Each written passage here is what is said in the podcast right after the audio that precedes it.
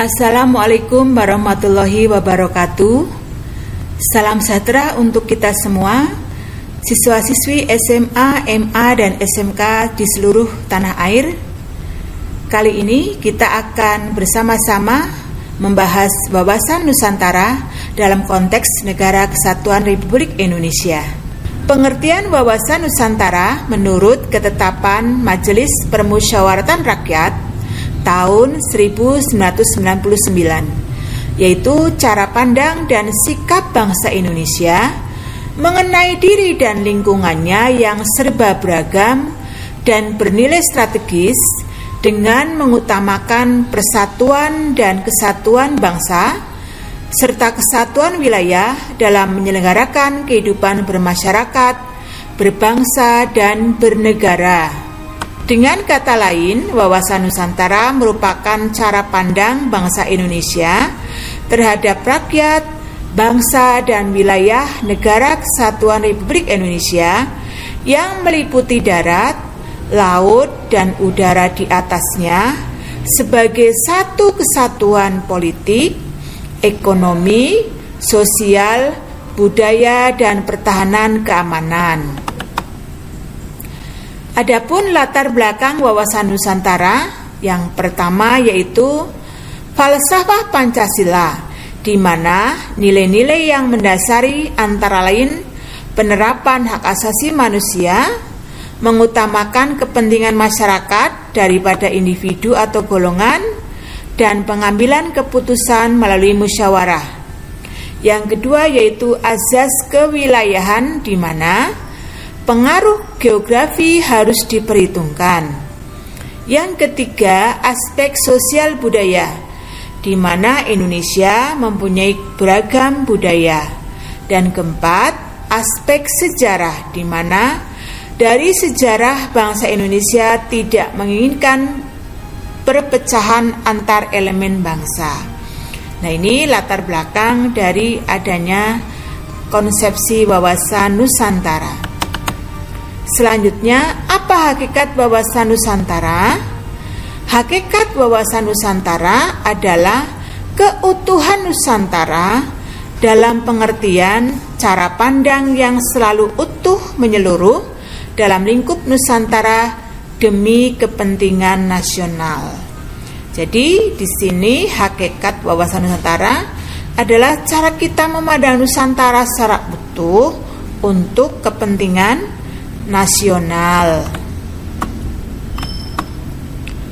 Di dalam GBHN, Wawasan Nusantara punya hakikat yaitu diwujudkan dengan menyatakan Kepulauan Nusantara sebagai satu kesatuan politik, ekonomi, sosial, budaya, dan pertahanan serta keamanan. Nah, selanjutnya Azas wawasan Nusantara atau ketentuan yang harus dipatuhi dalam mewujudkan wawasan Nusantara. Yang pertama yaitu kepentingan yang sama, yaitu cara pandang terhadap bangsa dan negara. Yang kedua, keadilan, yaitu kesesuaian pembagian hasil dengan jeripaya dan pembagian kegiatan baik perorangan, kelompok maupun daerah. Asas yang ketiga yaitu kejujuran. Kejujuran yaitu keberanian berpikir, berkata, dan bertindak sesuai realita demi kemajuan bangsa dan negara. Yang keempat yaitu solidaritas, yaitu kerjasama, setia kawan, dan peduli sesama. Yang kelima, kerjasama, yaitu adanya koordinasi untuk mencapai sinergitas. Yang keenam, kesetiaan kepada bangsa dan negara. Nah, apakah kedudukan wawasan Nusantara bagi bangsa Indonesia? Wawasan Nusantara merupakan landasan visional dalam menyelenggarakan kehidupan nasional agar sesuai dengan cita-cita dan tujuan nasional. Siswa sekalian, selanjutnya kita bahas fungsi wawasan Nusantara. Wawasan Nusantara berfungsi sebagai pedoman, motivasi, dorongan, serta rambu-rambu dalam menentukan segala kebijakan, keputusan, dan tindakan bagi penyelenggara di tingkat pusat dan daerah maupun bagi seluruh rakyat Indonesia dalam kehidupan bermasyarakat, berbangsa, dan bernegara.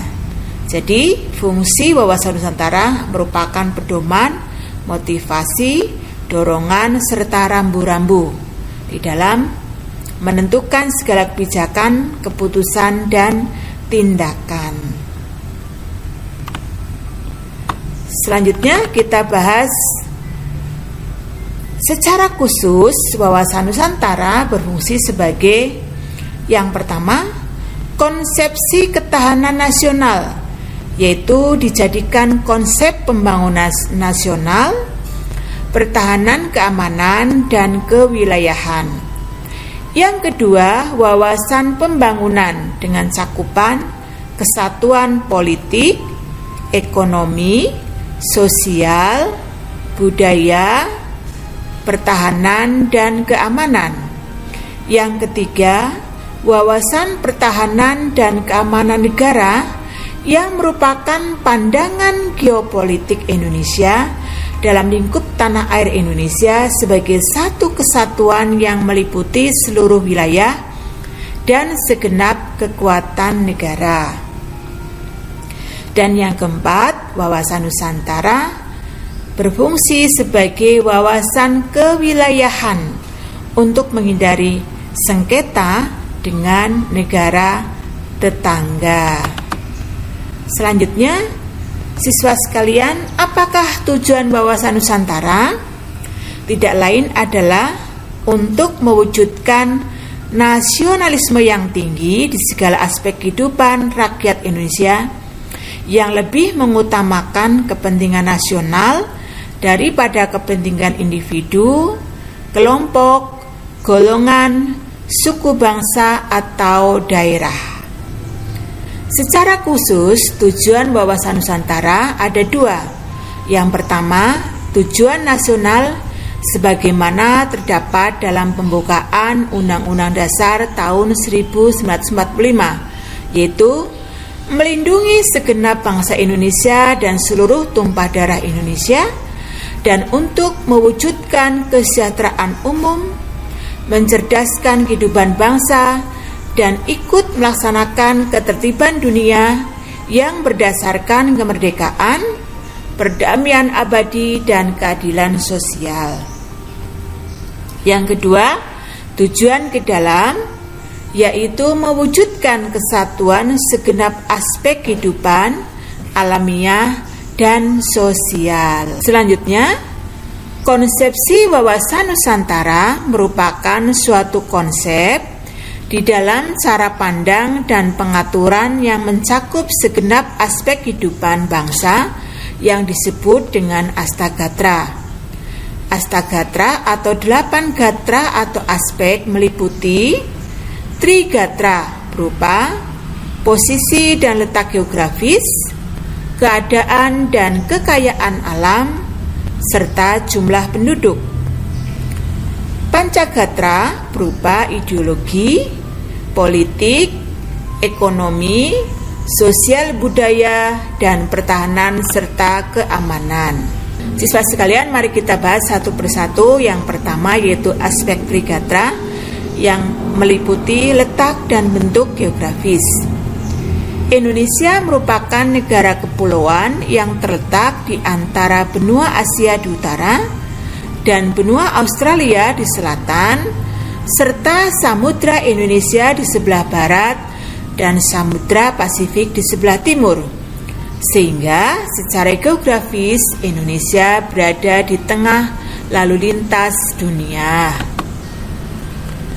Aspek Trigatra yang kedua, keadaan dan kemampuan penduduk. Yang pertama, faktor yang mempengaruhi jumlah penduduk berupa kematian atau mortalitas, kelahiran atau natalitas, pendatang, dan orang yang meninggalkan wilayah negara. Yang kedua, faktor yang mempengaruhi komposisi penduduk berupa susunan penduduk menurut umur, jenis kelamin, agama, suku bangsa, tingkat pendidikan, dan sebagainya. Yang ketiga, Faktor yang mempengaruhi distribusi penduduk berupa persebaran penduduk yang tidak merata. Aspek Trigatra yang ketiga yaitu keadaan dan kekayaan alam. Kekayaan alam Indonesia terdapat pada atmosfer, di permukaan bumi, di laut, di perairan, dan di dalam bumi yang berupa sumber-sumber pelican atau mineral, sumber-sumber nabati atau flora, dan sumber-sumber hewani atau fauna. Dalam mengolah sumber tersebut harus berpedoman pada prinsip atau asas, asas maksimal dalam menciptakan kesejahteraan rakyat, azas lestari dengan menjaga keseimbangan alam, dan azas berdaya saing dengan sumber daya dari negara lain. Siswa sekalian, kita teruskan pembahasan kita tentang aspek Pancagatra. Aspek Pancagatra yang pertama yaitu aspek ideologi. Ideologi merupakan konsep yang mendalam mengenai kehidupan yang dicita-citakan serta yang ingin diperjuangkan dalam kehidupan nyata. Strategi pembinaan ideologi harus berprinsip pada yang pertama, setiap warga negara harus mengaktualisasikan dalam kehidupan. Yang kedua, ideologi harus menjadi panglima dan bukan sebaliknya. Yang ketiga, mengakui keanekaragaman dalam hidup berbangsa. Yang keempat, menyosialisasikan Pancasila sebagai ideologi humanis, religius, demokratis, dan berkeadilan sosial. Selanjutnya, aspek Pancagatra yang kedua yaitu aspek politik. Politik dapat diartikan sebagai azas, haluan, atau kebijaksanaan yang digunakan untuk mencapai tujuan dan kekuasaan. Kehidupan politik dapat dibagi ke dalam dua sektor, yaitu masyarakat yang memberikan input atau masukan, yang kedua pemerintah yang berfungsi sebagai output atau keluaran berupa perundang-undangan dan kedua sektor harus seimbang sebagai pencerminan demokrasi Pancasila. Nah, kalau kita lihat bahwa di dalam membuat peraturan perundang-undangan, pemerintah harus mendapatkan masukan dari masyarakat sehingga output keluaran atau undang-undang bisa sesuai dengan keadaan atau kebutuhan dari masyarakat. Selanjutnya, aspek Pancagatra yang ketiga yaitu ekonomi. Kegiatan ekonomi adalah seluruh kegiatan pemerintah dan masyarakat dalam mengelola faktor produksi barang dan jasa untuk kesejahteraan rakyat. Pembangunan ekonomi dilaksanakan bersama atas dasar kekeluargaan sesuai amanat pasal 33 Undang-Undang Dasar tahun 1945. Aspek Pancagatra yang selanjutnya atau yang ketiga yaitu sosial budaya. Ketahanan budaya merupakan pengembangan sosial budaya di mana setiap warga masyarakat dapat mengembangkan kemampuan pribadi dengan segenap potensi berdasarkan nilai-nilai Pancasila. Selanjutnya aspek Pancagatra yang keempat yaitu pertahanan dan keamanan. Ketahanan di bidang pertahanan keamanan adalah ketangguhan suatu bangsa dalam upaya bela negara di mana seluruh ideologi, politik, ekonomi, sosial, budaya, dan pertahanan keamanan disusun dan dikerahkan untuk menjamin sistem pertahanan dan keamanan rakyat semesta. Nah, Prinsip sistem ketahanan nasional kita adalah satu, bangsa Indonesia mencintai kedamaian tetapi lebih cinta kemerdekaan. Yang kedua, berlandaskan Pancasila sebagai landasan ideal Undang-Undang Dasar 1945 sebagai landasan konstitusional dan Wawasan Nusantara sebagai landasan visional.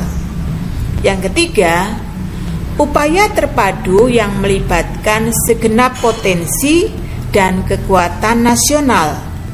Yang keempat, diselenggarakan dengan sistem pertahanan keamanan nasional dan sistem pertahanan keamanan rakyat semesta. Nah, kita teruskan pada bahasan terakhir dari wawasan Nusantara yaitu implementasi wawasan Nusantara. Implementasi berarti sejauh mana wawasan Nusantara terwujud dalam kehidupan sehari-hari. Yang pertama di bidang politik. Menciptakan iklim penyelenggaraan negara yang sehat dan dinamis dengan indikator pemerintahan yang kuat, aspiratif dan terpercaya. Yang kedua di bidang ekonomi menciptakan tatanan ekonomi yang menjamin pemenuhan kesejahteraan rakyat. Yang ketiga di bidang sosial budaya menciptakan sikap batiniah dan lahiriah yang mengakui dan menerima segala bentuk perbedaan sebagai karunia Sang Pencipta. Yang keempat, di bidang pertahanan dan keamanan, menumbuhkan kesadaran cinta tanah air dan bangsa, sehingga mendorong sikap bela negara. Nah, siswa sekalian, apa saja peran serta warga negara dalam mendukung implementasi wawasan Nusantara? Yang bisa dilakukan yaitu mendukung persatuan bangsa, mempunyai kemampuan berpikir kritis, bersikap rasional dan dinamis, memanfaatkan ilmu pengetahuan, teknologi, dan seni untuk kepentingan kemanusiaan, bangsa, dan negara, mengembangkan ilmu pengetahuan dan teknologi yang dilandasi iman dan takwa, dan memelihara nilai-nilai positif dalam kehidupan bermasyarakat. Demikian pembahasan kita tentang wawasan Nusantara dalam konteks Negara Kesatuan Republik Indonesia bersama Guru Cilacap Channel. Sampai jumpa lagi pada pembahasan kita di lain waktu. Wassalamualaikum warahmatullahi wabarakatuh. Pancagatra yang ketiga yaitu ekonomi. Kegiatan selanjutnya selanjutnya aspek Pancagatra yang ketiga yaitu